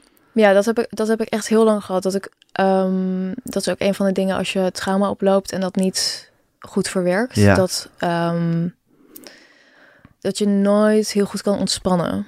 Dus dat, de, dat het altijd onrustig voelt. Dat je altijd een onrustig gevoel hebt. En dan kan je heel veel dingen gaan doen. Dat doen ook heel veel mensen. Ja, Heel veel mensen met trauma zijn workaholics bijvoorbeeld. ja, Ehm, maar je weet wel dat het eigenlijk niet normaal is of zo. Dat je Ja. je zo voelt. Of Ja. dat je zo onrustig voelt. Alleen je bent niet anders gewend. Dus je weet niet dat het anders kan. nee. Maar, je- maar je, je voelt heus dat je een gevoel aan het verdoven bent eigenlijk. Dat je iets aan het... Ja, of dat je, gewoon met- geen rust hebt. Dat je geen rust voelt. Dat je ziet dat misschien andere mensen wel rust voelen. En dat jij dat nooit voelt. Ja. Hoe ging dat eigenlijk toen je, die, toen je op je negentiende die jongen ontmoette op wie je meteen verliefd werd? Hadden jullie het dan ook over dit soort... Opende je over dit soort dingen in al die Nee, oeverloze ik telefoongesprekken nee, nee, nee. Ik had helemaal geen eh, inzicht in dit soort dingen. Ik heb sowieso... Het inzicht over mijn jeugd is echt pas heel laat gekomen. Dat is eigenlijk nog iets nieuws voor je. Ja, Relatief, echt, van echt van een paar jaar. jaren. Ja, daarvoor dacht ik er gewoon niet over na. Ehm, Eigenlijk ook wel een beetje wat trauma, bij trauma hoort, dat je het gewoon had weggestopt. Ja, en ik had er ik- vroeger dacht ik altijd, wat bedoelen mensen daar toch mee van dat wegstoppen? En dan dacht ik, hoe kan dat? En moeilijke jeugd, wat bedoelden ze daar toch mee? Ja, en ik, Ja, ik heb ook? mezelf ook heel lang voorgehouden van, ja, maar ik heb niet echt een moeilijke jeugd gehad, want ehm, er waren ook goede dingen en mijn moeder heeft altijd haar best gedaan. En Ja, ik had heel erg het gevoel van, als ik dat erken, dan geef ik mijn moeder de schuld. precies. Ook weer die loyaliteitskwestie. Ja, terwijl Eigenlijk. nu kan ik het gewoon naast elkaar zien. Dat ik denk van, oh ja, mijn moeder heeft haar best gedaan, maar dat was niet genoeg Nee, eigenlijk. en ze was gewoon eh, Ziek. ziek, Ja. precies. Ja. Ja. ja. en daarmee, dat is gewoon lastig om dan een goede moeder te zijn. Mhm. Kon ze op zich ook niks aan doen, maar ja, jij zit er toch maar mee als kind. Ja, En je zus. ja. Ja, precies. Maar dat is, dat is, dus, dat is dus eigenlijk nog een betrekkelijk nieuw inzicht voor je. En toen je dan met die, met die jongen alsmaar aan het, aan het, aan het eh, bellen en mailen en sms'en was, hadden jullie het over heel intense dingen, neem ik aan, maar niet, maar niet hierover per se. Nee, niet echt. Ik had hem wel, want het was toen niet zo lang geleden dat mijn ouders natuurlijk waren overleden. Dat is gebeurd toen ik 17 was. En dus dat was twee jaar daarna. Dus ja, dat heb ik hem. Ja, dat komt heel snel ter, ter sprake natuurlijk. Ouders op die leeftijd. Ja, En, en op ehm, deze leeftijd ook. Ja. Ja, En ehm, het houdt nooit op, denk ik wel eens. ehm, nee, dat is waar. Ja, maar goed, je had het over je ouders met hem. Ja, maar dan niet. Ja, niet echt over de gevoelens of zo erbij. Of Want ja, daar had je zelf geen benul van. Nee, ik, ik, kon, ik kon daar gewoon helemaal niet op reflecteren. Of misschien had ik wel een verhaal bedacht van... ja, maar nu gaat het heel goed met me of zo. Ja. Of maar nu, ik wil gewoon doorgaan. En dat zie ik ook heel erg in mijn familie. Dat is ook altijd de mentaliteit geweest. Ehm, Welke familie heb je het dan over? ja, mijn moeder, moederskant van mijn familie. Ja. Dus ik en wat is dat voor een familie? Ehm, ja, we zijn Joods. En ik denk dat dat ons ook heel erg heeft gevormd... in die dat altijd vooruit moeten kijken. En dat achterom kijken wordt niet per se als iets goeds gezien. Nee, nee. Een familie van overlevers. Ja. Ja, in de meest letterlijke zin van ja, het woord. zeker. Ja, ja precies. Dus dat, dat, zat, dat zat al in jouw hele wezen gebakken ook. Ja. Gewoon van, we gaan niet te veel zeiken over wat er Mhm. is gebeurd. En eh, gewoon maar door met, eh, met de rest van mijn leven. Ja, en je hebt toch dingen mee. En Ja. Je, ja, je bent toch slim. En hij was een leren. Israëlische ja. jongen. Ja, En in Israël heerst ook, vind ik, ik ben er maar één keertje geweest, maar ook nog wel, ja, dat is best wel een hard, een, een, een harde cultuur die daar heerst. ja, zeker. Ik heb er later dus nog wel eens gewoond. En toen dacht ik dus dat ik daar heel graag zou willen wonen. En dat stond me toen echt tegen, die harde cultuur. Dat harde, Ja. ja. En wilde je er voor hem gaan wonen? Nee, want dat, dat is heel snel uitgegaan. Dat is nou, binnen een half jaar. Ik ben naar hem toe gegaan. Toen is hij naar mij toe gekomen. En dan, ja, dan spat eigenlijk die soort van... We passen eigenlijk helemaal niet bij elkaar. En dus dat spatte heel snel eigenlijk uiteen. Ehm, al denk ik nog wel met warme gevoelens aan me terug. Hij ook aan mij. Maar het was overduidelijk dat we niet bij Ja, elkaar precies. pasten. Het was geen relatiemateriaal, maar jullie hadden wel ontegenzeggelijk gewoon ook weer iets chemisch samen. Ja. Ja, ja, en dat is ook goed om te merken dan dat dat niet altijd heel veel zegt. Of niet, niet zegt over dat iemand dan echt heel goed bij je past. ja dat is inderdaad ook een wijze les. Ja. Dat die chemie niet per se ook is van, en dan moet je ook je leven met elkaar delen. Ja, Ja, maar goed, we waren ook heel jong. En ehm, ja, jullie waren jong en onbezonnen. precies. Ja. En maakt het je uit dat het een Joodse jongen was? Nou, ik was er toen niet echt mee bezig. Maar ehm, ja, ik vond het wel leuk. Het paste wel goed. Mijn familie vond het ook heel leuk. Dus, Familie stond te juichen. ja, mijn oom en tante. Ja. Of nou ja, die juichen, maar wel nee, van, maar oh, goed. oh, leuk. Ja, Kitty komt thuis met een Joodse jongen. ja, met Ja. een Israëli, ja. Ja. En viel je daarna ook nog steeds op Joodse jongens? Ik heb nog wel Joodse vriendjes gehad. Maar ik heb ook niet Joodse vriendjes gehad. Je hebt gewoon uit van al- overal Van heb je ze vandaan gehaald. Ja, ja. hey, en ehm, ehm, dat ging dus uit. En ehm, eh, je kon nog niet echt, reflecteren op je ouders toen. Is het toeval dat je ouders zo vlak na elkaar zijn, of in, eigenlijk in één jaar blijkbaar toen je 17 was, zijn overleden? Ehm, nou, nee, ja, het is niet echt toeval, maar mijn moeder is overleden omdat ze een maagbloeding kreeg. En ze had sowieso slechte gezondheid, eh, moest zware medicijnen slikken. Ze heeft altijd, eigenlijk altijd best wel een slechte gezondheid gehad. En toen, twee maanden later, heeft mijn vader zelfmoord gepleegd. En dat had er niet per se met mijn moeder te maken, maar ik denk niet dat het heel erg heeft geholpen. Nee, nee. Dus mijn vader had al een depressie en dat hadden wij eigenlijk niet echt door. Dat is eigenlijk maar iets wat we hebben beseft later. Tenminste, ik in ieder geval. En mijn zus volgens mij ook. En ja, het ging eigenlijk al best wel lang niet goed met hem. En hij zou failliet gaan. En er speelden allerlei andere dingen in zijn leven waardoor het slecht ging. En dat mijn moeder was denk ik een soort van druppel dat hij er niet meer Een uit trigger. Ja. Ja, Ja, ja. Op de, op de, op de berg dingen die er toch al, eh, Ja. die er toch al was. Heb je diep ge- heb, hoe, hoe heb je gerouwd over je ouders? Nou, ik was zo verdrietig toen mijn moeder overleed. En toen overleed mijn vader. En toen had ik echt het gevoel dat dan... Dat ik... Ik had geen ruimte meer of zo daarvoor. Dus ik had geen... Ja, ik weet niet. Ik, ik, voel, ik voelde toen eigenlijk heel weinig. Omdat ik, ik... Het was gewoon op of zo. Dat gevoel had ik heel lang. Dat ik daar niet... Ja. Want ik- bij je moeder heb je een immens verdriet gevoeld. Ja. Ja, dat was echt heel heftig. Ja. Nee, dat is echt het ergste wat ik heb meegemaakt, zeker. Echt waar, Kitty? Ja.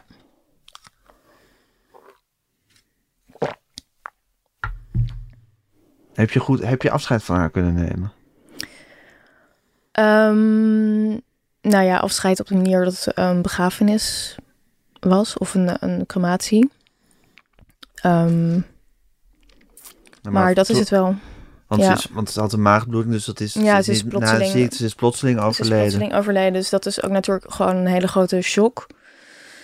En dan ben je tiener en ik had niet een hele goede band toen met mijn moeder, dus dan, ja, dat, dat Had je ook heel erg het moeilijk. gevoel dat je tekortgeschoten was? Ja, gewoon dat je het nooit meer echt dan kan goedmaken. En dat vond ik allemaal echt heel moeilijk. Dat is ook moeilijk, hè? Ja. En dat is ook wel echt een van de dingen waar ik... Ja, ik weet niet. ehm, ja, waar ik, waar ik met therapie echt wel veel aan heb moeten werken. Om dat, eh, om dat te verwerken. Omdat eh, dat, dat, dat tekortgeschoten gevoel uh, te verzachten bij jezelf.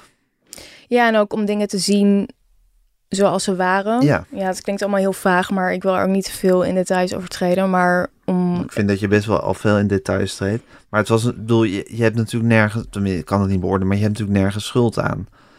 Nee, dat is ook zo. Maar het is natuurlijk gewoon heel naar als je eigenlijk, ja, als je um, moeder overlijdt op een moment dat, ja, dat wij gewoon heel slecht waren met elkaar. En dan, en dan, ja, zeg maar dat verleden al en dat je dat dan ja. nooit meer echt um, je daar nooit meer uit gaat komen, dat weet je dan. Ja. ja. Ja, het is heel erg iets wat je wenst. Dat inderdaad, als je van een dierbare afscheid moet nemen, of als, als iemand doodgaat, dat je dat dan gewoon, dat je dan een goede laatste tijd hebt gehad samen. Ja. En dat is gewoon wat je niet hebt gehad.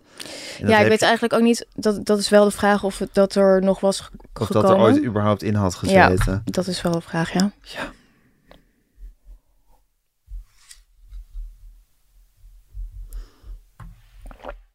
Ja, dat is toch ongelooflijk dat je daar, ja...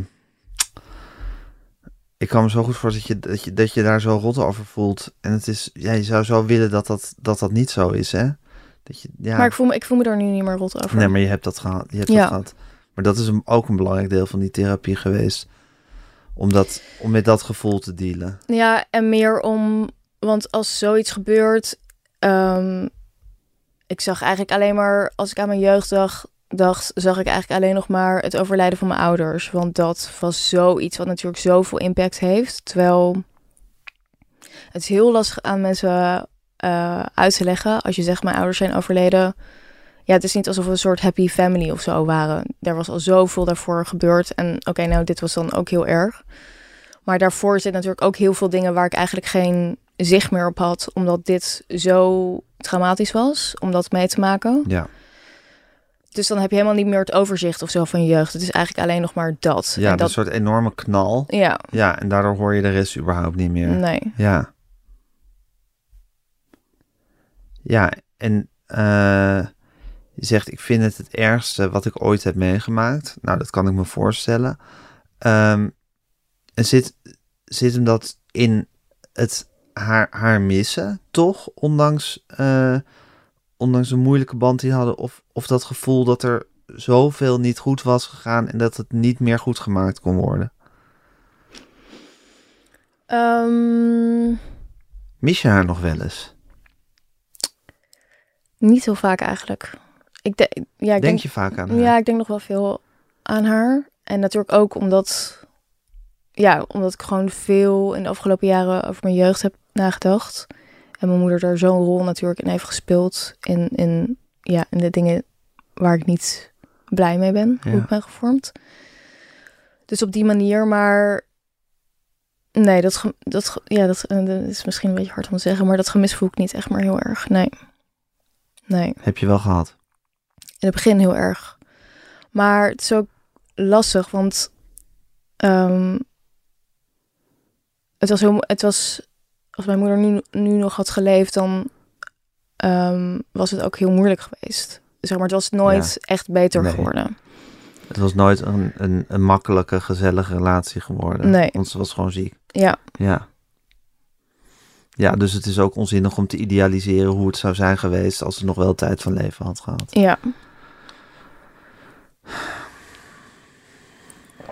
Precies. Ja.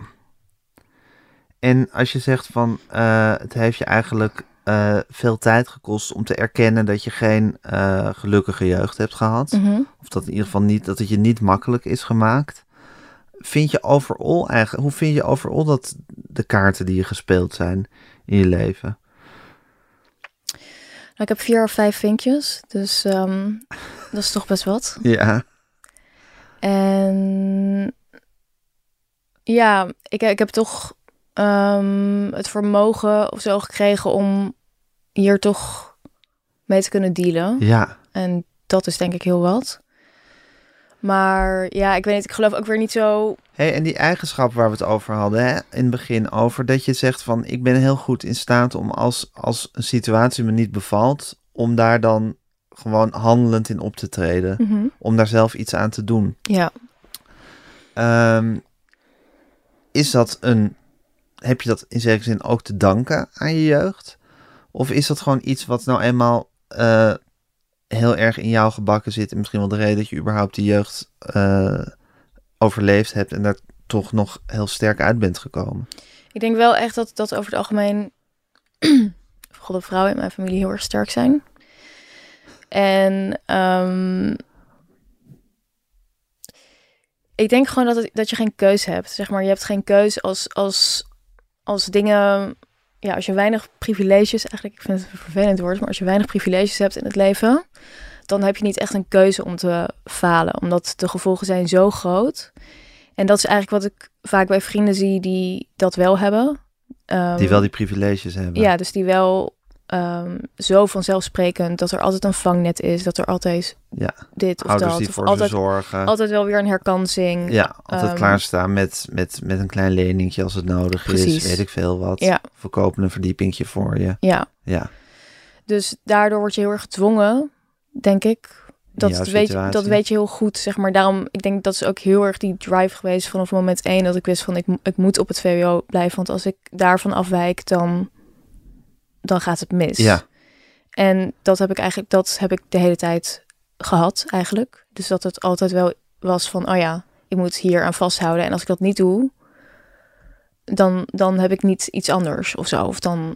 Ja, ja. het is de dood of de gladiolen, ja. een beetje. Het is ja. een van de twee. Ja. ja. Maar goed, ik denk dat er heel veel mensen in jouw situatie dan dus ook inderdaad misschien niet die krachten in zich hebben om bijvoorbeeld vast te houden aan dat VWO mm. en te zeggen ik ga dat toch doen. En dus wel uh, afzakken. Dan kan je natuurlijk ook gewoon, weet ik veel, wat uh, uh, voor de Albert Heijn met een dakloze krant eindigen. zeg ik ja. dus met alle empathie, hè? Ja, maar goed. kan trouwens ook als je in de, uit een heel geprivilegeerd gezin komt. Ja, maar ik denk wel ook als je opgroeit en je bent, of we waren arm toen ik jong was, dat dat ook als je dat hebt meegemaakt, dan, dan wil, je, wil je dat niet echt meer. Ja, dus ja. het is ook wel echt overduidelijk van huis uit. En mijn moeder heeft ons ook altijd heel erg gemotiveerd om gewoon, ja, iets te ontwikkelen. Het komt ook heel erg van, ik vond het altijd leuk. Ik vond leren leuk. Ik vind het leuk om met kennis bezig te zijn, om met ideeën bezig te zijn. Dus dat hielp ook heel erg. Maar wel, ja, dat je iets gewoon moet maken van je leven. Ja, ja. Dus je ziet uh, alles in je leven. Dus eigenlijk hoe je moeder jullie opvoeden maar ook gewoon de feitelijke situatie waarin je zat, ook als een soort training, uh, is ook een soort training geweest om uh, ambitieus te zijn en om te zorgen dat je het voor jezelf zou gaan regelen op een of Ik weet niet of het training is geweest, want dat doet me een beetje denken aan. Um, wordt vaak zo uh, gezegd, wat is het? Uh, what doesn't kill you makes you stronger. Ja, ja, ja, ja. ja, daar geloof ik totaal niet in. Oh nee? Nee. En dat is ook, ik vind het eigenlijk een vorm van gaslighting of zo. Dat je dan, ja, dat ik denk, ja, zo werkt het gewoon niet. Zeg maar, heel vaak als je heel heftige dingen meemaakt in je leven, dan ben je een heel groot gedeelte van je leven ben je bezig met daar overheen komen. En dat is energie die niet in iets anders kan steken. Dus Ja. dat zeggen mensen ook wel eens van, ja, maar het is toch heel knap wat jij hebt bereikt. En ja, misschien had je dat dan ehm, ja, nooit bereikt. Of oh, misschien als je nooit, eh, was je nooit zo ontwikkeld als je ehm, niet dat levensverhaal had. Ja. Maar dan denk ik, ja, maar misschien ook niet. Misschien had ik al vijf boeken geschreven, weet je? Ja, dat kan Ja, ook. ja, misschien was je niet. met, als, je, als jij de, de, zou maar zeggen, de levenskracht, eh, eh, die, die- je hebt een, een soort, soort nou, tankachtige levenskracht in je, om gewoon dingen te doen en ervoor te gaan en dat te regelen. En je zegt van, als ik misschien, als het me misschien allemaal op die gebieden niet zo moeilijk was gemaakt, was ik nu wel nog veel verder geweest. Ja, dat had gekund. Had Ja. ook niet gekund. Misschien. Nee, maar goed, je ja. zei net zelf ook van, ik heb wel altijd door de geschiedenis die ik heb gehad, heb ik altijd geweten van, ik moet zorgen dat ik bepaalde dingen regel, want anders, het, niemand anders ging het voor me regelen. Nee. Nee. Dus daar, daaruit trok ik een beetje die, die- daar, daarom zei Ja, het is, dat het is het, maar goed, het is eh, de discussie. Is het eh, nature nurture, toch? Ja, je weet het niet uiteindelijk. Eh, nee, je weet het niet. Dat is ook, daar komen we nooit uit. hey, en ehm, zag je het toen je die therapie ging doen? Ik kan me over dat je dat, dat het uiteindelijk heel goed voor je is geweest. Ja. En dat het je heel veel heeft geholpen. Dat je het misschien in het begin ook zag als een nederlaag. Nee, nee, dat, zo heb ik het nooit gezien. Nee. Weet je nog wat het moment was dat je, dat je, dat je wist, nu moet ik iets gaan doen? Welke angstaanval het was? Nou ja, ik had gewoon heel veel last van uh, tijdens mijn studie van uh, concentratieproblemen en zo, waardoor ik geen bladzijden meer kon Ja, ja. lezen. En ik kreeg zulke erg angst voor Hele domme dingen. Ja, Dat het eigenlijk... Het was heel raar, want ik heb in mijn... Dat kreeg ik dus ook heel erg podiumangst en zo. Zo, ik heb in mijn jeugd dus heel veel theater en zo gedaan. En ik had dat soort dingen ja je allemaal... deed die theateropleiding. Dus ik had dat, dat allemaal nooit ervaren. En ja, dat is dan heel gek als je opeens zo bang wordt van, van dingen die zo vanzelfsprekend voor je zijn geweest. Ja, Ja, ja. En aangezien je weet van, eh, ik moet wel door, wist je, dan moet ik hier wat, daar- hier moet echt iets aan gebeuren. ja ik had niet echt een keuze. Je, je zag het niet als een keuze. Nee. Nee. Wat een wonder dat je dan nu zo van dat podcasten geniet ook, hè? Want dat is toch ook een soort, daar zou je dan, daar zou je dus een paar jaar geleden, zou je daar nog om in blinde paniek kunnen zijn. eh. Ja, het is wel, eh, ik, kan het nog steeds wel spannend vinden hoor. Maar mm, die podcast niet, dat voelt nu heel eigen. ja, Eh, maar ja, ik vond dat in het begin ook wel best wel spannend. Eigenlijk altijd ja. als ik iets nieuws moet doen. Op ja, je hebt nog wel altijd sporen van soort, soort, soort faalangst of als Ja, je iets nieuws zeker. moet doen. Ja. Ja. Hey, en je vertelde in je podcast dat je laatst naar een, schrij- een schrijfhuisje bent gegaan met een vriend ja. om te schrijven. Hoe was het? Eh, we waren niet heel productief. Nee? Nee, nee. En dat lijkt me ook altijd heel moeilijk. Dat je dan ergens naartoe gaat, zo van, en nu moet ik werken. Ja, Zou ik er meteen geen zin meer in hebben zelf eigenlijk. nee. En dat Maar was goed, ook... ik heb ook heel weinig discipline. Ja, ik eigenlijk ook. Soms. Ja. Is dat zo? Heb je weinig discipline? Nou, ik weet, ik weet het niet. Ik, eh, misschien is dat ook weer een soort van perfectionisme dat ik dan vind dat ik nooit genoeg discipline Nooit genoeg discipline Ja. hebt. Ja. Vind je eigenlijk dat je goed in elkaar steekt nu, momenteel? Goed, hoe bedoel je? Goed, nou, dus dat je zegt van, van ja, dan heb ik weer te veel faal, of dan heb ik, ben ik weer te zelfkritisch, waardoor ik dan vind dat ik, dat ik, dat ik, eh, ben ik te perfectionistisch, waardoor ik vind dat ik niet genoeg discipline heb. Vind je, zijn er nog dingen in, in, in jezelf je denkt, dat zou ik toch eigenlijk echt moeten veranderen als het zou kunnen? Ja, maar je merkt ook, dat is, dat is ook een onderdeel van volwassen Het worden. ouder worden. Van het ouder worden. Op een gegeven moment weet je gewoon van, dit is nou eenmaal zo en hier zal ik het mee moeten doen. Ja, Ja. en ehm, je bent je er bewust van en dan probeer je minder aan te trekken. Maar ik zal altijd, denk ik, zelfkritisch blijven. Ik, dat, dat, dat, ja, Dat zit nou eenmaal in je. ja, denk Ja, wel. precies. Dus Ja. dan moet, daar zou je ook mee moeten leren leven. Ja. En dan moet je dan maar gewoon af en toe misschien een beetje le- te leren relativeren of zo. Of dan denk ik van, ja goed, zo ben ik nou eenmaal. Ja. Ja, Of ook dingen misschien eh, niet opzoeken die dat heel erg triggeren. ja, ja. Maar goed, het was dus niet heel productief in, dat, ehm, in deze nou, ik heb wel een beetje, ik, heb wel een beetje geschreven, maar, ehm, maar niet heel veel, nee. Nee, nee. Maar ik ben, ik ben wel bezig met te schrijven. Ik wil heel graag een boek schrijven. Dus over mijn achtergrond ook. Ja, Dat is eigenlijk waar we het net over hadden. Waarom wil je dat eigenlijk? Ja, omdat ik het ehm, gevoel heb dat, ehm, dat ik dat uit de weg. Uit de Kijk weg. naar? Niks. Oh, gewoon. een beetje. Ja? Ehm, dat het uit de weg moet of zo. Dat ik, of dat ik het in me heb en dat het uit de weg moet. Ik- Ja, ja. Dat ik dat moet opschrijven. En, schri- en je denkt dat dat, dat dat misschien gebeurt als je het opschrijft? Ja, ik ik- interviewde ooit Jan Wolkers en die zei toen van... Ja, mensen hebben het altijd over van je afschrijven, maar volgens mij, ik schrijf het juist allemaal naar me toe. En hoe bedoel je dat dan? Nou, hij bedoelt van dat, dat, dat hij het juist niet kwijt is geraakt door het allemaal op te schrijven. Maar dat hij het misschien wel, juist wel meer voelde nog allemaal toen hij het had opgeschreven. Ja. Ja, dat zou ook wel kunnen. Maar ja. Maar je hebt het idee dat er iets, dat er iets soort uit de weg geruimd moet worden. Nou ja, ik, ik weet het niet zo goed. Ik vind, ik, ja, ik, misschien zit er gewoon niet zoveel achter. Ik wil gewoon een boek schrijven. Je wil gewoon een boek schrijven. Ja, Je houdt ook van boeken zelf. ik hou van boeken Ja. inderdaad. Dus dan moet je ze ook gewoon, dat, is- dan is dat wat je wil gaan doen. Inderdaad, ja. Ja. En ehm, er zitten thema's in waarvan ik wel denk dat ze in Nederland heel erg nog aan het begin staan. Dus inderdaad klassen en zo. Die discussie begint nu een beetje op gang te komen. Of breed, dat die maatschappij, maatschappij breed op gang komt. En ehm, ik denk... Over eh, hoe bepalend de klasse is waar je uitkomt. Ja, Ja, en hoe sociale codes en zo werken. En ik vind dat zelf ook altijd heel erg boeiend om te lezen. Omdat het herkenbaar is natuurlijk voor mij. ja.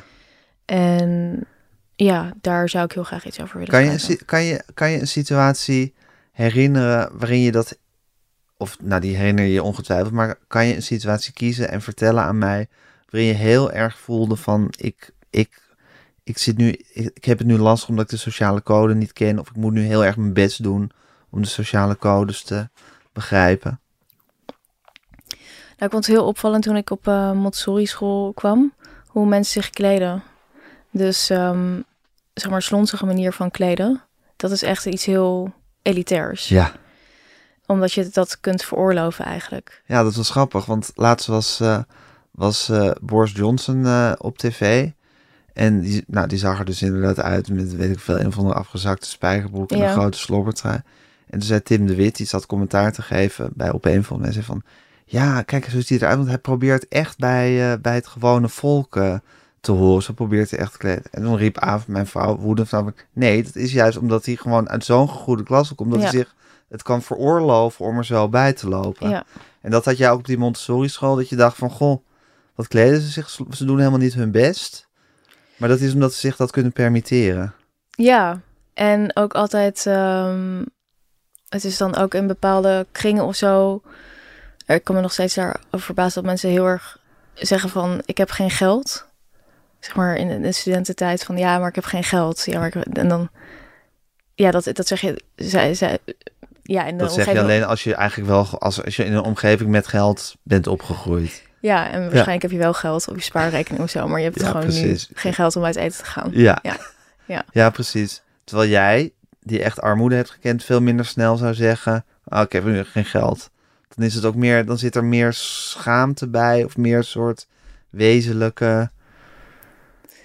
Ja, het zit wel, ja, dat met geld vind ik wel opvallend, maar het kan ook een cultureel ding zijn. Ik heb met Elif er ook vaak over dat wij allebei ons doodergen aan tikkie-cultuur. Dat we dat echt heel, heel raar en heel gierig vinden. Wat is tikkie-cultuur? Dat mensen je tikkie sturen. Ja, precies. Dus je bent uit eten geweest en je krijgt een tikkie. Ja, oké. Okay. Als je met een groep uit eten gaat, dan snap je het. Maar ja. dat er gewoon mensen zijn op een bepaalde leeftijd die nog steeds tikkie sturen. Dus als je bij iemand komt eten of uh, dat. Nou, gelukkig. Bestaat dat? Ja, ik ban die mensen uit, maar dat bestaat, ja. Hè, dan ben je bij iemand wezen eten voor de gezelligheid en die stuurt dan een tikkie na afloop? Ja, of gewoon zo. Sowieso, kijk, als je met vrienden bent en je bent bevriend, ik bedoel, dan betaalt toch gewoon de ene keer jij de betaal, ja. toch? Ja. Ja. Dat, ja. dat is toch op een gegeven moment cultuur, maar ik heb het idee dat misschien ook. Dat is de cultuur, dat is gewoon. Dat is gezellig. Ja. ja. Maar misschien heeft het ook te maken met millennials die een beetje blijven hangen in een soort studenticoos-achtig leven. Ja. En dan dat niemand eigenlijk tegen hen zegt: Oké, dit is de overgangsfase en nu moet je dat soort dingen gewoon niet meer doen. Ja. Ja. Maar feit dat jij dit al precies wil duiden van wat voor soort gedrag is dit en waar komt het vandaan? Is het klasse of is het leeftijd? Is het een generatieding? Dat wil al zeggen dat je gewoon in ieder geval heel erg bewust bent met kijken naar hoe gedragen mensen zich. Ja. En wat zegt dat over waar ze zich bevinden in de wereld Mhm. en waar ze vandaan komen. Ja, Ja, dat vind ik leuk om mee bezig te zijn. ja. En daar zit ook altijd dat spoortje van, dat zit ook altijd een beetje die motor van ergernis zit daarin, hè? Ehm, een beetje. Ja. En vond je het leuk toen je op die Montessori school kwam in Den Haag? Ik vond het op zich wel leuk. Ehm, het is heel slecht onderwijs. Dat was een slechte school in ieder geval. Ik weet niet hoe het in Amsterdam is. Waarschijnlijk beter. Ehm, maar ja, het was wel... Maar hoe vond je het sociaal? Want je kwam dus in een soort wereld waar je de codes niet kende. Ja. Vond je dat ook op een bijna antropologische manier leuk? Nou, ik kon het later pas begrijpen. Ik begreep gewoon niet als ik bij vrienden ging eten... eh, waarom ze dingen als tofu aten en zo. Zonder zout. Zeg maar, ik kan me altijd herinneren dat ik daar over de vloer kwam... en dat dan gewoon die soort alternatieve lucht... eh, en van, zeg maar, lucht van houten speelgoed en dan tofu eten. De en geur dan, van houten speelgoed. En dan zo, ehm, inderdaad, dat zoutloze eten, dat, dat, dat kon ik me inderdaad heel goed herinneren. Als dat dat eigenlijk een soort van mini-cultuurshock was. Ja, Ja. waar je toch je ogen een beetje hebt uitgekeken. Ja. En voelde je dan te veel en ongemakkelijk? Of zit, zit dat ook weer toch dan niet echt in? Zit het ook in jou om dan gewoon te denken... Nou, ik ga ze toch gewoon voor me winnen, deze mensen. Nou, ik denk, ik denk dat ik een heel groot aanpassingsvermogen heb. En een- ik denk wel dat ik me heel vaak ongemakkelijk heb gevoeld. Op de middelbare school en ook in mijn twintiger jaren. Dus toen ik eh, ging studeren en met allerlei soorten mensen natuurlijk in aanmerking kwam voor wie, of in, in, in aanraking kwam die voor wie heel veel dingen heel vanzelfsprekend of zo waren. En voor mij was dat eigenlijk niet, maar dat kon ik niet duiden. Dus ik kon dat gevoel helemaal niet duiden. Ik voelde alleen maar dat het anders was. En toen had ik een keer een college en dat ging dus over Bourdieu. Het ging over uh, cultureel kapitaal. Dus um, ja, zeg maar wat je meekrijgt, de boeken die de ouders uh, of die je ouders in de kast hebben, dat dat bepalend is voor je vorming en dat je die sociale codes eigenlijk meekreeg. En toen dacht ik, dit, dit is het, dit heb ik niet gehad. Zeg maar, dit, dit, daarom, daarom uh, voel ik me anders. En dat, dat is echt het eerste besef of zo dat ik, dat, dat ik had van, oh ja, dit, dit, is het, dit is het altijd geweest. Of zo. Ja, dit heb ik niet gehad en hier heb ik me toch in heb ik toch in verkeerd. Ja, en dit heb ik de hele tijd mezelf moeten aanleren. Dus ik heb de hele tijd moeten doen alsof ik dat dan wel wist en me aangepast. En ik had geen bewustzijn van dat ik dat dan niet had. En waarom ik dat niet had, dat had ik allemaal niet. Dus dat is pas veel later gekomen ja, eigenlijk. Ja. En hoe voelde je op die borrel van die rechtse vrouwenclub? Die rechtse vrouwenbol, het was geen club, maar die rechtse vrouwenbol. Was je, moest je daar ook aanpassen of was je daar, was je daar, uh, paste dat? Ja, ik denk gewoon dat toen ik begon met schrijven en zo en dat dat waardering kreeg en dat dat een soort nieuwe fase of zo voor me was. Dat ik dan um, ja, werd gezien voor wat je dan kan of zo. En dat je dan. Ja, maar toch waar je ook bent, je voelt altijd van ben ik hier op mijn plek of toch? Of is dat niet zo? Ja, maar ik heb, ik heb, ik weet niet meer wanneer, maar op een gegeven moment heb ik dat losgelaten. Zeg maar, ik, ik heb gewoon ik heb op een gegeven moment geaccepteerd dat ik er niet bij hoor. En dat dat oké is, dat dat niet uitmaakt. En... Dat is eigenlijk jouw standaardgevoel.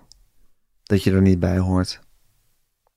Nou, ja, dat, dat klinkt dan heel zwaar, zeg maar. Dat nee hoor, dat klinkt helemaal niet zwaar. Als je dat accepteert, dat is natuurlijk, dat is als je, als je, als je er niet bij hoort en je hebt dat volledig geaccepteerd, is dat natuurlijk een waanzinnige luxe positie. Ja, dus dat, je, dat ik geen clan heb, zeg maar. Ja. Ik ben niet met een clan opgegroeid met mensen die zijn, zoals jij dat, ik kan me voorstellen dat jij dat wel veel meer hebt. Dat ik bij een clan hoor. Ja. Ja, kijk, iedereen voelt zich altijd natuurlijk anders. Ja, dat is waar, dat is waar. Nee, maar het grappige is natuurlijk ook, Kitty, wat, wat zou maar zeggen, in op volstrekt oppervlakkige zin uh, opvallend aan jou is dat je voor de Telegraaf schrijft en dat je niet de meest typische Telegraafjournalisten bent. Uh, in je meningen en in je uitingen en hoe je tegen de dingen aankijkt. Uh, voor mij als buitenstaander, mm als gewoon een soort oppervlakkige telegraaflezer. Dus, maar dus nu je dit verhaal vertelt, denk ik, ja, dat past eigenlijk dan helemaal bij je. Ja. Want dat is, ja, dat is eigenlijk precies zoals het moet zijn bij jou. Ja, ik heb ook nooit um, daar zo, toen ik ging solliciteren in de journalistiek, dus ik werkte eerst als freelancer, ben ik een beetje ingerold. En toen ging ik een echte baan zoeken. Um, omdat ik dacht, journalistiek, dat is een uh, dying business. Dus um, toen ben ik bij een denktank gaan werken. Ik wilde vroeger graag diplomaat worden. En toen ben ik bij een denktank van Rob de Wijk gaan werken. En dat was afgrijzelijk. Echt waar? Ja. Je gaat iedereen af om in een denktank bij Rob de Wijk te gaan zitten. Nou, ik weet niet. Uh, misschien mensen die dat wel meer ambiëren, maar ik ambieerde het niet. Ik Waarom was het zo verschrikkelijk? Nou, het was in Den Haag en ik woonde toen in Amsterdam. En sowieso is het best wel zwaar als je serieus moet gaan werken. Ja, oh ja, ja. Dus vijf dagen per week en ik moest er om half negen zijn. En in de trein zaten mensen hun nagels te knippen. Nou, dat. En dit was pre-corona en volle treinen. En ik dacht, dit is afzien, zeg maar. Ik kan gewoon, kon gewoon niet geloven dat mensen dit dag in dag uit doen. En dan was dat werk ook nog eens een keer heel saai. Moet je eigenlijk een soort genie zijn om in een denktank bij Rob de Wijk te zitten? Ik vind het best wel klinken als soort, soort elite, niet van elitair, maar een soort elite klasje. Nee, zeker Nee? niet. Of is dat gewoon als je gewoon gemiddeld afstudeert en... Ja, maar ik, ik, ik deed communicatiedingen, dus ik was niet echt een denker bij de Oké, je hoefde niet zelf mee te denken over oorlogshandelingen. Nee, oké. Okay. Dus alleen de rapporten met rapporten. Maar goed, ik geloof, ik weet niet, um, je kent vast David Graeber toch? Bullshit Jobs. Uh, ja, ja. Ja, er zijn gigantisch veel bullshit jobs in deze sector. Mensen ja. die rapporten schrijven, die ergens in een kast belanden. En ja. Dus mijn dus werk voelde niet... die zichzelf gaande houdt. Ja, dus ja. mijn... En ik schreef vast goede adviezen en zo, I don't know. Maar het voelt, mijn werk voelde niet heel zinvol. En um, dus zo ben ik um, toch weer terugbeland in de journalistiek. Ja. Het voelt als terugbeland. En, Ja. toen, en toen ging je solliciteren. Nee, ik had daarvoor een ook beetje al- het freelancen. Nou, ik had daarvoor ook al wel eens ges- gesolliciteerd. Ik heb een keer gesolliciteerd bij ehm, De Groene op zo'n fellowship. Maar ik denk wat dat betreft heb ik de diversiteit ding niet heel erg mee ook. Want ik heb dus... Ik, heb niet de, ik had niet de connecties om, om ertussen te komen bij Nee. een krant. Maar ik had ook niet het profiel wat dan past binnen die diversiteit of Nee. zo. Dus ja. Maar of je bij De Groene werkte of bij De Telegraaf, dat maakte in principe niet zo heel erg veel uit. nee. Nee, nou dus... maar wij hebben niet zo'n... eh, Ja, ik ben niet opgevoed met dat anti-gevoel zo over de Telegraaf. We Nee, dat hadden snap ik. ja. Nee, maar goed, daarom hoor je, daarom, maar dan, da- daarom past het, dat, dat past dus wel bij dat je, dat het, dat je niet een soort iets hebt van ik hoor daarbij en ik wil bij die club horen of ik wil, dat is echt mijn kleur. Mm, nee. Nee, want ik denk dat de dingen die me niet aanstaan bij de Telegraaf... Ik zou evenveel dingen hebben die me niet aanstaan bij, als ik bij de Volkskrant zou werken. Ja. Ja. En eh, je zegt, ik heb geaccepteerd dat ik eigenlijk nergens bij hoor. Ja. Ja, want dat is deep down je gevoel over hoe je in de wereld staat. Ja, maar ik bedoel, ik bedoel dat echt totaal niet op een trieste manier, zeg maar. Ik ben, ik ben Nee, maar het is de hele ben. tijd jouw, jouw ding dat je zegt dat het triest is, wat niet. Maar ik vind het eerlijk gezegd, ja, ik vind ergens bij horen is ook heel beklemmend Ja. en beperkend Ja, dat is waar. en eh, remmend. Ja. Ik bedoel, als je, als je nergens bij hoort, dan heb je, heb je de vrijheid om, om, om alles te zijn. Ja. Ja, dat is zo, ja. Ja. Maar dat heb je, en, maar dat heb je geaccepteerd, dus daar heb je even tijd voor nodig gehad om dat te accepteren.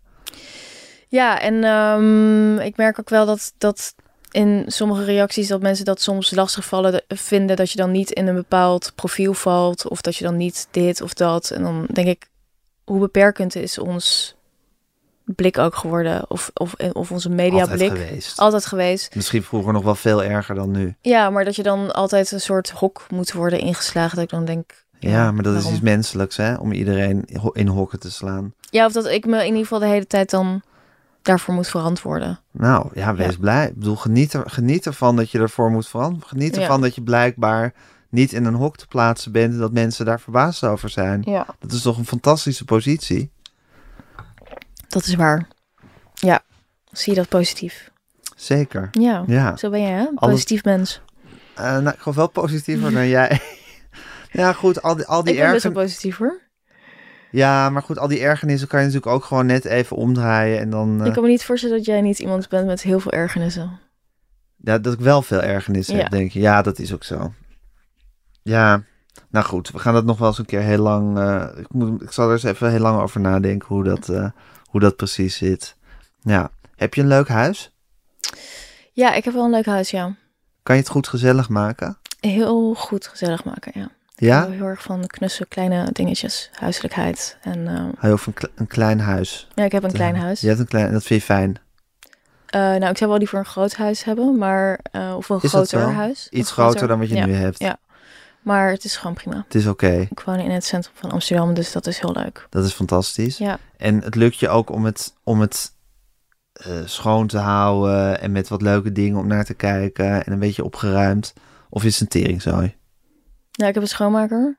Ja. Maar ik, ehm, ja, het lukt me wel om mijn huis op te ruimen. Ja. Was een, was een aparte vraag. Ja, maar ik denk dat dat toch ook... Kijk, je hebt natuurlijk dus van huis uit weinig soort comfort en warmte meegekregen. Of tenminste aangeleerd, standaard meegekregen. Dus dan kan ik me voorstellen, als je dan volwassen bent, dat je dat of ook helemaal niet kan zelf. Zou ik maar zeggen, een soort gemoedelijkheid voor jezelf maken. Of je kan dat juist leren en eh, bent Oh daar ja, heel goed zo. in. Nee, dat klopt. Ik heb dan dat laatste. Ik denk dat ik daar echt heel erg van geniet. Van hou. Ja, Doe je ook wel eens kaarsen aan bijvoorbeeld? ja ik doe elke Ja. dag kaarsen aan. Ja. Elke dag? Ja. Oh, dat is echt een soort ding voor je. ja, als ik gewoon in mijn woonkamer ga zitten. Ik moet natuurlijk heel veel tv kijken, omdat ik mediajournalist ben. Ja. Dus dan is het wel fijn als je het een beetje gezellig maakt. Ja. Ja, Ja. En dan doe je altijd kaarsen aan. dan doe ik altijd kaarsen aan, ja. Ja. Ja, ik geef ook heel veel geld uit aan de geurkaarsen. Ook geurkaarsen Ja. in dat kleine huisje. In dat kleine huisje, Zodat ze lekker te dampen. Mhm. En heb je een lievelingsgeur? Nou, ik heb nu een nieuwe geurkaarscompagnie. Ik ging ergens, ja, dit eh, klinkt nu echt als de ultieme havermelk elite persoon. Maar ik ging dus ergens natuurwijn halen bij mij in de buurt. Ja. En toen rook het daar zo lekker. Toen dacht ik, wat, wat is dit? Die geurkaars, die moet ik hebben. En dat was dus... Toen heb ik dat opgezocht en toen ging ik dus speciaal naar die winkel om daar die geurkaars te kopen. Maar daar heb ik geen spijt van. Het is echt fantastische geurkaarsen. Ja. ja. Vind je het eigenlijk uh, gênanter om, zou zeggen, een havermelk elite geurkaars te kopen dan dat je bij een rechtse vrouwenbol was? Volgens mij vind je het leuker om te zeggen dat je bij een rechtse vrouwenbol was dan dat je bij dat je een, havermelk elite geurkaars hebt gekocht. Nee, want ik, ik, ik heb dus die, die soort schaamte die mensen hebben bij hun havermelk elite gedrag, dat heb ik niet. Maar misschien omdat ja, maar het je voor zei mij... het toch meer als een soort, soort dat, je, dat je er wel even tegen af wilde zetten. Zo bij Nee, die rechtse vrouwenborrel voelde ik dat helemaal niet. Ik wil het benoemen dat het, dat het dat ik ook heus wel weet hoe dat klinkt of zo. Dat. Ja, maar ik denk dus dan, omdat je dan, omdat je mij dan eerder in de eh, havermelk elite hoek ziet, Mhm. dat je het dan leuk, of dat, je, dat dan jouw reflex is om te zeggen van, denk maar niet dat ik dat cool vind. Terwijl eh, de rechtse vrouwenborrel, heb je iets van, ik ga naar de rechtse vrouwenborrel. Daar hoor ik bij. Snap je? Dat, dat, dat je, dat Maar je... daar, daar hoor ik ook weer niet. Nee, daar hoor je ook niet, bij. weet ik wel. Maar dat, daar, daar, zit, daar maak je geen disclaimer bij. Ehm, misschien was die moeilijker te maken. Ik vind, ik vind rechtsvrouwenborrel ook niet iets heel cools of zo. Nee, Maar goed, het is wel een belangrijke maar ik ben, borrel. wel, ik ben wel heel blij met die geurkaars. Ja, en met die rechtse vrouwenborrel ook, want daar heb je Elif ontmoet. Precies, Ja, precies. ja. Dat was er anders van mijn leven geworden. Nou, was je ook een eind gekomen, maar dit is toch wel een leuk, leuk aspect ervan. Ja. Ja. Ja. Ben je eigenlijk... eh, La, laatste vraag. Heb jij, ben je een... eh, nou, eigenlijk... Ja, je ouders hebben dus psychisch gezien best wel... Ja, heftig, waren heftig geconstrueerd. Eh, je hebt zelf ADHD. En dan als sub, sub ADHD, categorie ADD. Mhm. Daar slik je soms medicatie voor, weet ik. Eh, ben, je, ben je bang dat je genetisch bent belast met, met hun psychische bouw?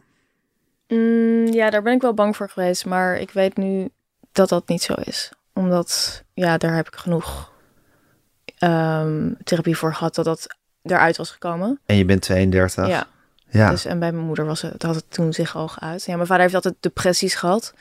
Maar ik vind depressies vind ik niet echt een psychische ziekte. Want ehm, ik geloof dat een helft van het land voldoet aan eh, iets uit de DSM sowieso. Dus je kunt je ook afvragen qua psychische problemen wat de norm is. En ja, ik, ik vind psychologie dus ook heel interessant. Ik heb er heel veel over gelezen. En ehm, ja, depressie is ook vaak een uiting van eh, onverwerkt trauma. Of ja, hoeveel mensen hebben niet een keer een depressie in hun leven?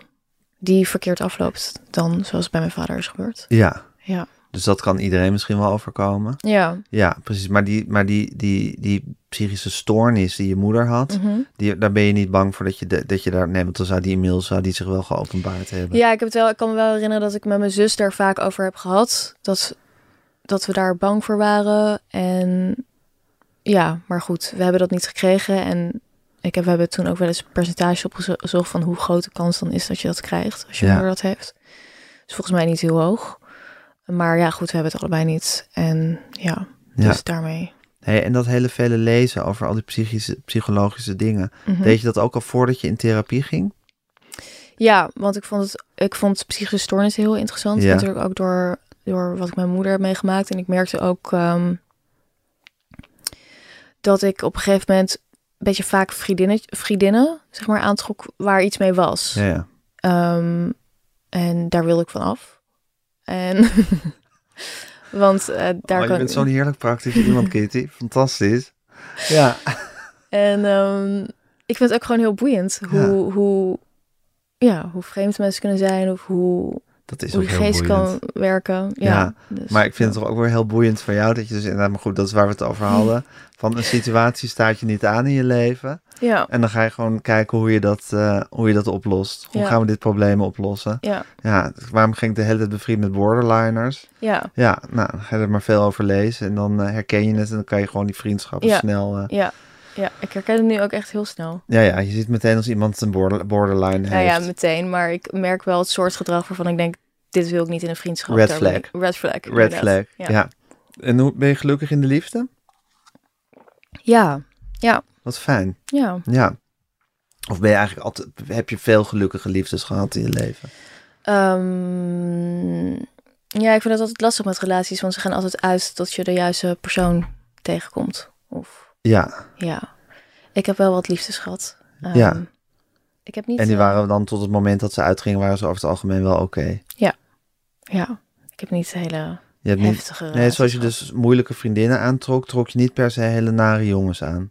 Nee, nee, ik denk dat ik daar altijd het Je keuze in mannen is eigenlijk beter geweest dan je keuze in vrouwen. Nou, als tiener en als begin twintiger. Maar daarna heb ik het ook heel snel ehm, Bij de vrouwen. geïnvesteerd in normale vriendinnen. Ja, precies. Ja. Praktische vrouw als je bent, Ja, heb je toen gedacht, roer moet om. We gaan investeren in normale vriendschappen. ja, Ja. ja. zeker. Ja.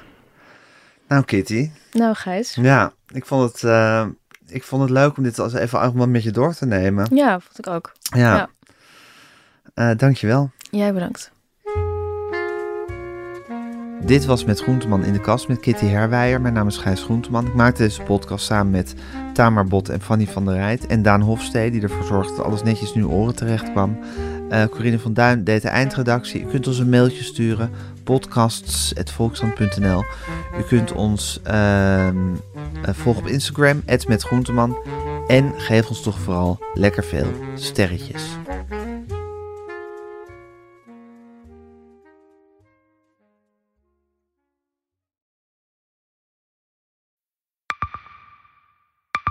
Zijn leven is overhoop gegooid.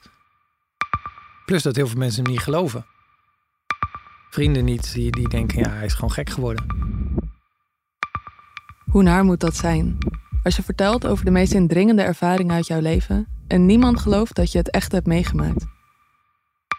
Ja, ik vind zelf niet dat ik het verzonnen heb, maar sommige mensen denken dat wel. Maar hoe kom je erachter of jij het doelwit bent van een geheime dienst? Ik heb ook wel eens meegemaakt dat je het idee hebt dat inlichtingdiensten in je geïnteresseerd zijn. En dan kun je wel heel veel zien, wat er misschien helemaal niet is. Als ik s'avonds nog iets ging eten, dan volgden die mensen mij naar het restaurant. En dan terug van het restaurant naar het hotel. Als zij op een gegeven moment zei, kijk maar uit, want anders word je dadelijk nog ontvoerd ook. Shit, ik moet hier weg. Dat is, is niet goed. Nu word ik gevolgd. Een soort Truman Show is het gewoon. Hè? Alsof dat hele straatbeeld voor jou is ingericht. Maar dan wel met bedoeling jou, jou niet door te laten. Dit kan geen toeval zijn. Een nieuwe podcast van de Volkskrant. Mijn naam is Simone Eleveld en samen met Huid Modderkolk ontrafel ik een bizarre operatie van de geheime dienst. Wat het doel ook is, jij verliest het. Ik werd opgepakt, heel lang ondervraagd. Maar hoe krijg je grip in een wereld die zo onderzichtig is? Als je zou liegen, dan zou je niet de meest relevante informatie twee jaar later tussen neus en lippen doorvertellen. Er zal nooit iemand zeggen, oké Bart, ik geloof je. Nooit, nooit. Dit kan geen toeval zijn. Vanaf 3 oktober bij de Volkskrant. Ik weet niet of ik je ook alles kan vertellen. Het is echt te bizar. Wat? Ehm, ja. Ah, we rijden al jaren schadevrij en toch stijgt de premie van onze autoverzekering elk jaar weer. Kunnen we niet eens wat besparen? Genoeg van dat stemmetje in je hoofd? Even Independeren. Daar word je altijd wijzer van. Vergelijk nu en bespaar. Welkom bij Independer.